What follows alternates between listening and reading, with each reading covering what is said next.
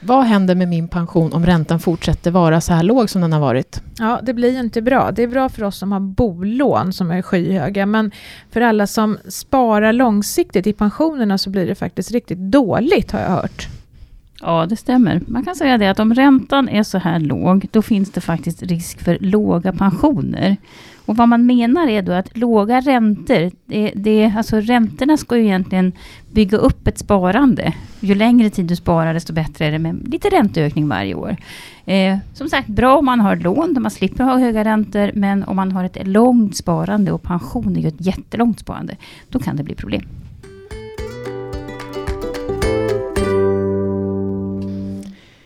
Välkommen till Min Pensionspodden. Idag ska vi prata om hur pensionsbolag förvaltar våra pengar så att de räcker till våra långa liv som vi hoppas på.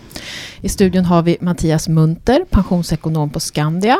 Välkommen till oss Mattias. Berätta, vem är du och vad gör du på Skandia? Tack så mycket.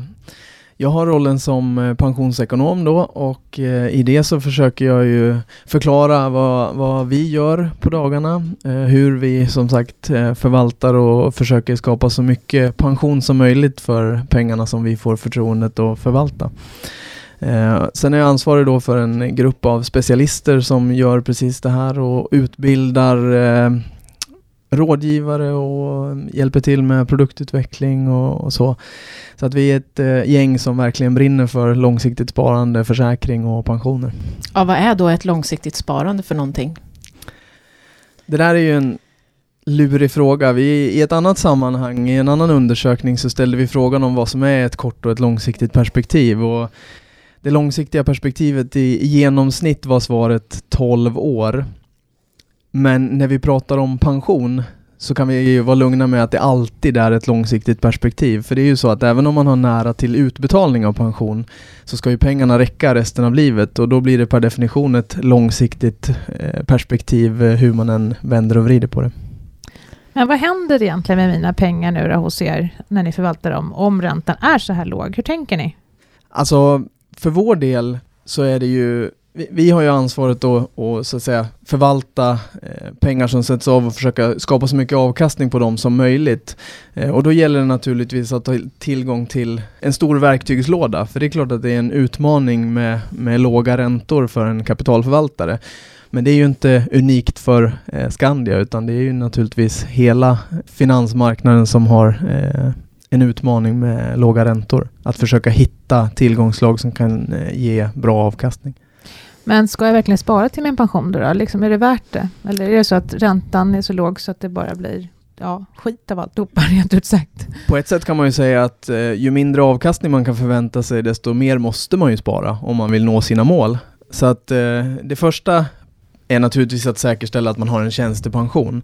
Det är ju A och O för att få en, en eh, rimlig pensionsnivå.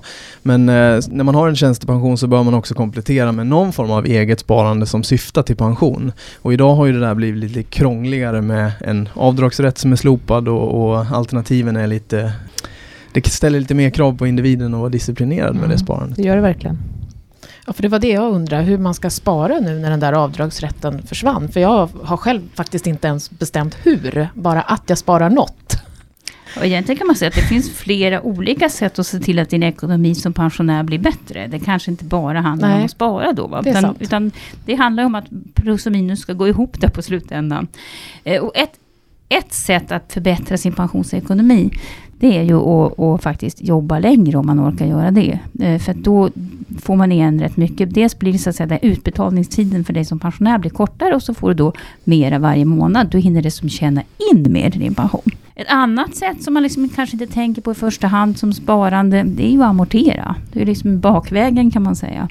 Och många, åtminstone i stora städer, sitter ju med rätt bra lån, eh, även om man är lite äldre. Eh, och då kanske man ska fundera på om man tar ner den där lånenivån. Då innebär ju det faktiskt att mina boendekostnader blir billigare när jag är pensionär. Så det är liksom ett sätt. Ett, ett tredje sätt det är just spara. Och har man nu ingen möjlighet till den här avdragsrätten längre, då finns det det här som heter investeringssparkonto. Där man alltså sparar pengar och man betalar en schablonskatt varje år, men man betalar ingen skatt på vinsten som man gör. Är det någon av de här sparformerna som du tar upp som far extra illa av att räntan är låg? Jag tänker att eh, det här eh, investeringssparkontot som du nämner är ju ett sätt att, eh, att spara och placera pengar i aktier, obligationer och, fonder eh, så som man vill då. Det som vi inte får glömma här att det finns fortfarande försäkringssparande också som man kan använda för det långsiktiga pensionssparandet och då är det kapitalförsäkring som man använder istället. Så att det är fortfarande ett, ett alternativ. Men hur, oavsett om man väljer investeringssparkonto eller kapitalförsäkring så kommer det alltid vara ett friare sparande som du har möjlighet att använda till annat längs vägen. Så det är det jag menar med att disciplinen får, får eh, eh, ställas lite mer på prov. Och jag kan ju tycka att här kan det vara vettigt att skapa ett särskilt investeringssparkonto eller en särskild kapitalförsäkring som jag själv sätter en liten lapp på där det står pension så att jag inte väljer att eh, göra något annat roligt för de Renovera pengarna. Renovera köket. Ja. Det vore synd om pensionspengarna hamnar i, i, i, köket. Men jag vill kommentera där med amorteringarna också som självklart ska vara en del av, av privatekonomin. Det är en, en helt... Eh, det är självklart att det ska vara en del av privatekonomin. Ibland får vi Eh, när vi gör undersökningar lite slentrianmässigt höra att eh, min bostad är min pensionsförsäkring, att det är där jag sparar så att säga. Det är lite olyckligt om det amorteringen ersätter det långsiktiga sparandet, för det är ju lite svårt att, att leva av värdet på bostaden. Men precis som, eh, precis som du är inne på här Kristina, så är det viktigaste med amortering, det är att skapa sig lägre kostnader som pensionär. Så det är en sak, att, att se till att man har en lägre kostnader i form av att Eh, lägre boendekostnader då. Men att se det som ett sparande man ska leva av och fika för det, då är nej, man snett nej. ute. Och jag tror också egentligen, eftersom man inte vet så mycket om framtiden, det är ju ett problem vi har att vi inte vet så mycket om framtiden, eh, att man kanske ska försöka göra på olika sätt. För att vi vet inte vad politikerna gör med olika, som sagt avdragsrätten försvann plötsligt och skattesatser kan ändras och räntor kan stiga och sjunka. Så att har man möjlighet så ska man nog som den där gamla klassiska, fler, äh, inte alla ägg i samma korg. Det är precis så och just när vi pratar om långsiktigt sparande så är det ju att eh, du kommer behöva hantera osäkerhet oavsett eh, hur du ser på det. Nu, nu kommer vi prata mycket om förvaltning och skapa avkastning och, och, så här men det finns ju mycket annan osäkerhet som du behöver hantera. Jag menar, du vet inte hur länge pengarna ska räcka, du vet inte vilken avkastning du kommer att få i den här framtiden då som vi pratar om. Och du vet heller inte, kommer jag vara frisk hela vägen? Kommer jag ha möjlighet att spara? Så att det, det finns många faktorer att ta hänsyn till. Så det handlar om att fatta bra beslut utifrån min situation här och nu. Och sen vara beredd att besikta bilen emellanåt och faktiskt göra ändringar utifrån hur situationen förändras, familjesituation och annat. Men försäkringsbolagen har ju alltid haft den här klassiska förut, som även finns då i tjänstepensionen, det som kallas för traditionell försäkring och som ju låter så väldigt tryggt och bra. Men hur är det egentligen med de traditionella försäkringarna nu för tiden? Är det något att ha? Ja, traditionell försäkring är ju för det första en det är en gammal sparform, eh, vilket gör att den kan kännas lite eh, svår att... Ja, gammeldags. Och det är egentligen namnet som ställer till det när vi pratar ur ett kapitalförvaltningsperspektiv så är den allt annat än traditionell. Det är en modern kapitalförvaltning och jag skulle säga hypermodern kapitalförvaltning för att man har ju betydligt mer möjligheter att investera i, i snart sagt vad som helst och det är sånt som andra sparformer inte kan, eh, kan göra. Så att traditionell försäkring är absolut eh, ett bra alternativ för det långsiktiga sparandet men det är just det där att det krävs att det är ett långsiktigt sparande för att det är inte lika tillgängligt som ett fondsparande till exempel som man kan köpa och sälja på dagen och så utan traditionell försäkring kräver ett lite mer långsiktigt perspektiv. Men det är ju pension vi pratar om. Men kan jag teckna en traditionell försäkring privat idag? Ja, det är ju den största sparformen för tjänstepension i huvudsak, men det finns möjlighet att i några bolag i alla fall i Sverige eh, teckna kapitalförsäkring och då ha ett långsiktigt sparande som syftar till pension men som inte är eh, bundet så att säga. Men då får jag ingen avdragsrätt? Avdragsrätten är slopad. Den är borta? Mm. Är det livsvarig utbetalning på det där? Det är möjligt att ha livsvarig utbetalning, absolut. Så det är en jättebra sparform alltså om jag tänker bli riktigt gammal? Ja, där har den också en förtjänst, absolut, absolut. Du har försäkringsmomentet i där. Mm. Ja, men vad är det vi pratar om? Det är massa krångliga begrepp här, kan ni förklara? Man kan säga så här att traditionell försäkring, det som Eh, en, en viktig egenskap som skiljer den från andra sparformer det är att den alltid har någon form av garanti i sig, alltså någon form av garanterad utbetalning. Då avtalar man, om vi pratar om ett pensionssparande till exempel, så för varje inbetalning jag gör så ger den upphov till en garanterad utbetalning såsom pension.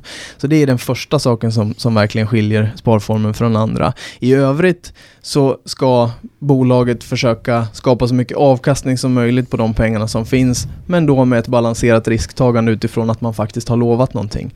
Men för en kund så handlar det också om att här behöver man inte fatta några egna beslut om förvaltning, man behöver inte bestämma eh, någonting. Så det passar ju den kunden som inte själv vill bevaka och hantera de här oväntade framtida händelserna på eh, finansmarknaden. Mm. Men eh, förr i världen så kunde man ju alltid säga att ja, man var alltid garanterad att få, få tillbaka de pengar man satte in om man hade en traditionell försäkring. Är det så fortfarande i den här nya lågräntemiljön? När jag läste på universitetet så visste man inte att det kunde bli negativa räntor heller. Mm. Så vi har ju faktiskt fått en, en, en, ny värld att förhålla oss till och, och, på samma sätt så blir det ju då också eh, att förhålla sig till, ja men vad kan man, vad kan man med säkerhet lova Eh, 20 år framåt i tiden.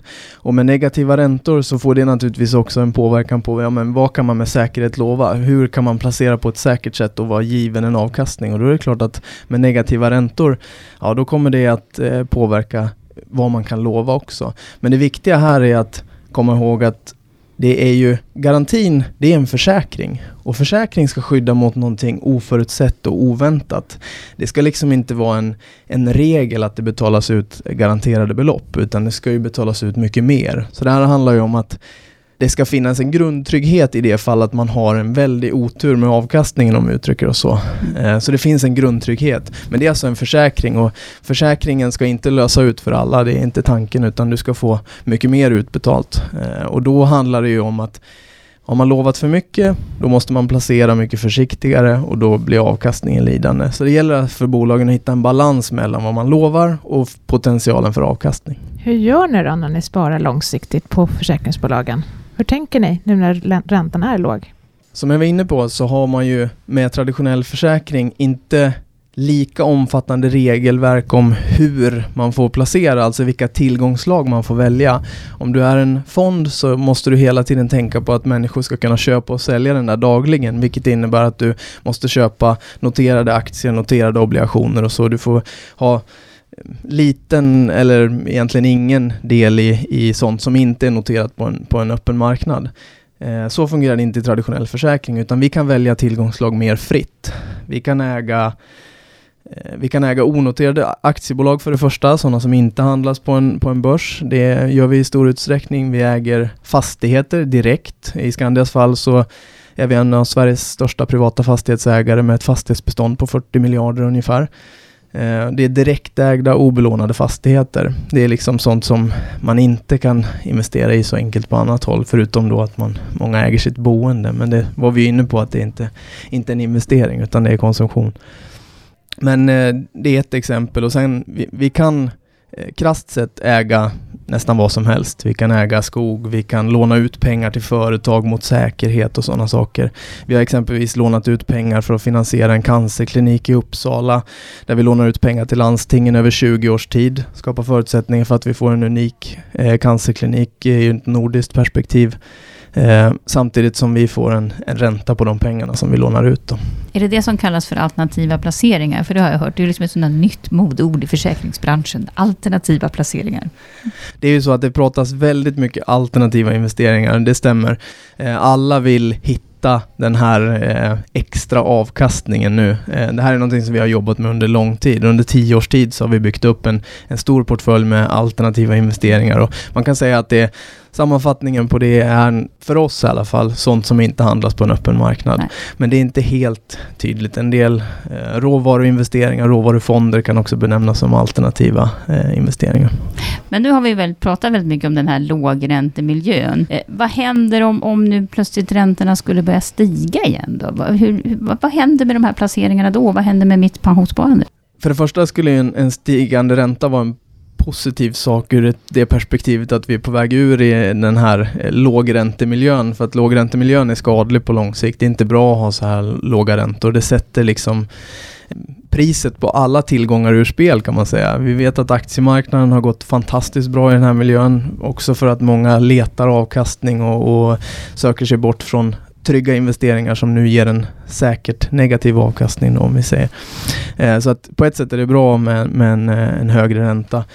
Det som blir lidande när räntan stiger det är om man har investerat i långa räntepapper. Och det är klart att som kapitalförvaltare så undviker man långa räntepapper idag. Man har en lägre risk på ränteportföljen, givet att man kan. En del har restriktioner som gör att man inte kan undvika dem. Men um, om vi tar tradbolagen som ett exempel om traditionell försäkring så gäller det att man har koll på det man har lovat så att man har en frihet att investera som man vill. Och då har man naturligtvis anpassat sig till den här låga räntan och räknar ju också med att ja, men, från räntedelen så får jag inte mest avkastning utan jag ska kompensera det med andra typer av tillgångar då. Alternativa investeringar eller aktier. Men om man sammanfattar det här så ser det inte där alldeles ljust ut för liksom pensionsinvesteringarna framöver. Är räntan låg, jättelåg så är inte det bra och stiger räntan så är inte det så jättebra heller. Det beror lite grann på hur räntan kommer att stiga också. Blir det en brant, blir det en seg uppgång? Det kommer att skilja hur snabbt man kan lägga om då till räntepapper som ger bra avkastning. Så att eh, det där kommer att, att det kommer att, ja, som allt annat, det beror lite på hur, hur utvecklingen kommer att se ut. Men, men eh, vi är inte oroliga för att vi kan skapa bra avkastning. Sen är det det att om man tittar på avkastningen i absoluta tal, alltså om man tittar på att de senaste 30 åren så har vi avkastat i snitt 8,2 procent eller något i den stilen. Ska man upprepa just den siffran i det här läget, ja men då kommer man att behöva ta en väldigt hög risk. Men samtidigt så har vi i princip ja, vi har väldigt låg inflation också, vilket innebär att priserna inte stiger lika mycket som de gjorde under exempelvis 90-talet. Ja, men det kan ju vara bra. En sak till också. Nu har vi pratat mycket om traditionell försäkring, fondsparande och sånt. Och, och egentligen sånt som om du har en premiebestämd pension så är det viktigt för dig. Eh, men de som går i pension idag, de har ju många gånger en förmånsbestämd och det, med förmånsbestämd pension så är man så att säga lovad en, en viss nivå på sin pension i förhållande till sin lön. Hur funkar det med de låga räntorna här då? i grunden med förmånsbestämda lösningar där, där egentligen arbetsgivaren har tagit risken för hur, hur stor pensionen ska bli oavsett hur bra avkastning man kan skapa. Då, då kan man ju känna sig trygg med att jag får en viss procent av min lön, oftast då så länge jag lever. Den eh, behöver man inte oroa sig så mycket för, men det den låga räntan kan göra för många av de här förmånsbestämda lösningarna, det är ju att bolaget som har tagit på sig att ta hand om den här förmånsbestämda lösningen inte genererar så mycket avkastning som man hade hoppats på. Och gör man inte det, ja då blir det kanske inte höjningar av pensionen. Men så att säga, det har blivit lovad, det behöver man inte oroa sig för, eh, skulle jag säga. Men däremot så kan det bli svårare att få höjningar av pensionen. Och då, om inflationen tar fart, ja, men då kanske jag inte hänger med riktigt i prisutvecklingen. Så att den där vinflaskan som jag hade råd med när jag började mina pensionsutbetalningar kanske jag får nedgradera efter tio år. Oh, bunkra vinflaskor med andra ord. Det nu får vi samla vin. Ja. ja. Det är också ett exempel på alternativa investeringar för övrigt. Ja, ja. Nu tror jag vi har kommit långt från ämnet. Ja. Men avslutningsvis då, tycker du att det är, är lätt eller svårt att engagera era kunder i, i frågor som rör pension? Har det förändrats på något sätt eller, eller ser det likadant ut som när du började jobba med det här? Det beror på hur gamla de är skulle jag säga. Det är aldrig så lätt att prata pension som någon som är 60 plus. Däremot så är det en, en större utmaning ju yngre de är kan man säga. Mm. Och det har inte hänt något, ingen skillnad utan det jag tycker att det finns en större medvetenhet idag. Jag tycker att eh, fler eh, pratar om och förstår vikten av att ha tjänstepension. Det har jag märkt en stor skillnad på. Det som jag tror fortfarande inte har landat riktigt, det är hur stort ansvar man faktiskt har för utfallet numera. Du nämnde de här förmånsbestämda pensionerna som dagens pensionärer i stor utsträckning har. De är på väg att fasas ut och nästa generation som kommer, som är födda i slutet på 70-talet och senare, de, de kommer att eh, Eh, Eh, få ett större ansvar för förvaltningen och, och, och, därmed också utfallet på pensionen. Och det tror jag inte riktigt har landat än hos alla. Så där har vi ett, ett jobb att göra. Eh, ja, och du är ju inte sådär lastgammal själv så, jag menar, vad säger du till dina kompisar? Hur får du dem engagerade? Ja, de brukar ju fråga mig så att de, de klarar sig bra. Ja, fler borde fråga med andra ord. Ja men så är det, och, och vara lite nyfiken på det här. Samtidigt inte överdriva. Eh, lite som jag var inne på att du, det handlar, du kommer hantera en hel del osäkerhet längs vägen. Det kommer hända saker i familjen som påverkar vilka val du ska göra. Och det handlar inte om att alla ska bli några finanshajar här. Som sagt, det finns bekväma sparformer för den som inte vill engagera sig. Men att man gör ett aktivt val och sen besiktar det valet då, en gång om året eller vartannat år, det kan räcka långt. Mm. Som att gå till tandläkaren. Ja. Exakt. Då har vi fått in en fråga här från Mikael. Hans förra arbetsgivare, som nu har gått i konkurs, betalade ut vinstandelar under ett antal år i form av pensionsfonder. Och nu har han ingen aning om var de har hamnat och hur ska han ta reda på det? Och i så fall, är det att betrakta som IPS-sparande eller kan det variera? Vad ska jag vända mig för att få koll på det här? Undrar Mikael. Alltså det enklaste är ju faktiskt att gå in på minpension.se och försöka spåra pengarna där, där de sannolikt ligger. För vi har ju tjänstepensioner på minpension.se och inte bara allmän pension. Och det här är med största sannolikhet en tjänstepension och då finns den på minpension.se. Ja, när, när han ställer frågan där om det är att betraktas betrakta som ett IPS-sparande så kan man ju säga att det här kommer vara en tjänstepension tills vidare. Det, den byter inte karaktär bara för att arbetsgivaren har gått i konkurs utan den kommer att vara en tjänstepension. Skulle han däremot få den överlåten till sig själv eh, som privatperson, ja men då blir det en privatförsäkring. Men där bör man tänka till lite grann för att en tjänstepension och en privatförsäkring hanteras på olika sätt. Exempelvis när det gäller bodelning. En tjänstepension ingår inte i en bodelning vid skilsmässa. Du har lyssnat på en podd som görs av minpension.se där du kan se hela din pension och göra pensionsprognoser. Vi som har gjort podden idag är jag, Ulrika Loob, Kristina Kamp och Maria Eklund. Gäst i studion idag var Mattias Munter från Skandia. Och vi finns på Twitter och Facebook och glöm inte att prenumerera på podden. Hej då!